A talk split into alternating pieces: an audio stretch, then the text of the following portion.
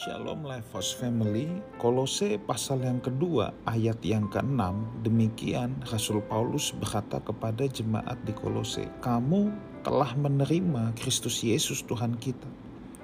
Karena itu hendaklah hidupmu tetap di dalam dia.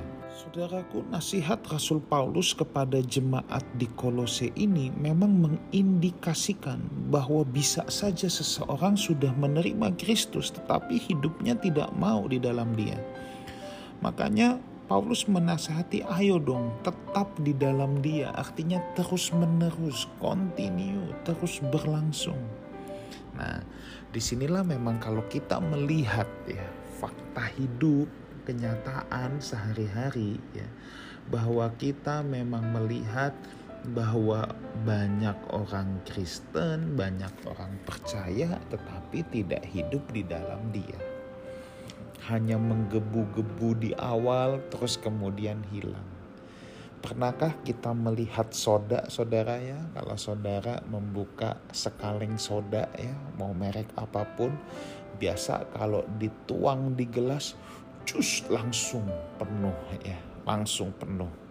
Langsung penuh bahkan bisa sampai luber keluar. Tapi setelah itu push hilang langsung. Langsung nyusut paling tinggal dua per tiga gelas. Makanya orang yang menggebu-gebu di awal kan suka dibilang kayak soda lu ah. Maksudnya apa sih? Iya cuman cuman di awalnya aja bergairah. Cuman di awalnya aja semangat. Abis itu udah hilang tanpa jejak hilang tanpa bekas Itulah soda, saudara ya. Itulah soda. Nah, di sini juga rupanya ada fenomena ini dalam kekristenan sejak dahulu kala sampai Paulus perlu menekankan, ayo dong kamu yang telah menerima Yesus Kristus, hendaklah hidupmu tetap di dalam dia. Memang konsistensi sering kali menjadi musuh utama dalam hidup kita ya. Sama aja, orang main bowling misalnya ya kalau mukul strike, wah hebat strike itu pinnya jatuh semua saudara ya. Kalau kita mukul strike hebat loh. Persoalannya bukan soal strike-nya. Orang yang baru pertama kali main bowling pun bisa strike. Bukannya nggak bisa, bisa strike. Tapi dia bisa konsisten nggak itu persoalannya. Makanya kan suka ada joke bilang, hoki nggak ada tiga kali atau hoki nggak ada empat kali atau hoki nggak ada dua kali whatever itu bahwa memang pada akhirnya adalah konsisten. Kalau cuma sekedar strike orang yang baru main pun bisa tapi kalau untuk konsisten itu perlu berlatih itu perlu berlatih. Nah hal ini juga sama dengan kehidupan kekristenan kita. Kalau kita mau tetap hidup di dalam dia makanya kita harus berlatih hidup di dalam dia. Saya makanya suka banget, saya, saya suka sekali mengutip apa yang Paulus katakan, latihlah dirimu beribadah. Ingat ya, saya selalu katakan bahwa beribadah di situ eusabia, godliness, latihan keserupaan. Itu bukan latihan kebaktian.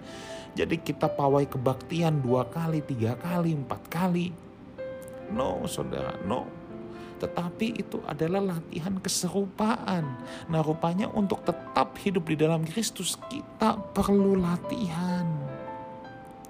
Latihan untuk tetap hidup di dalam Dia. Ya. Bagaimana caranya? Dengan cara kita menghidupi kebenaran. Tidak cukup hanya mendengar, tidak cukup hanya mengerti kita meminta anugerah Tuhan supaya kita juga diberikan kuasa untuk menghidupi apa yang telah kita dengar dan apa yang telah kita mengerti. Dan dalam hal ini butuh yang namanya ini konsistensi. Konsistensi. So, misalnya saudara baca Alkitab, saudara dengar khotbah, ya, ingat itu baik-baik, catat itu dan belajarlah menghidupinya. Saya berdoa Life House Community bukan saja menerima Kristus Yesus tetapi kita juga orang-orang yang tetap hidup di dalam dia. Haleluya.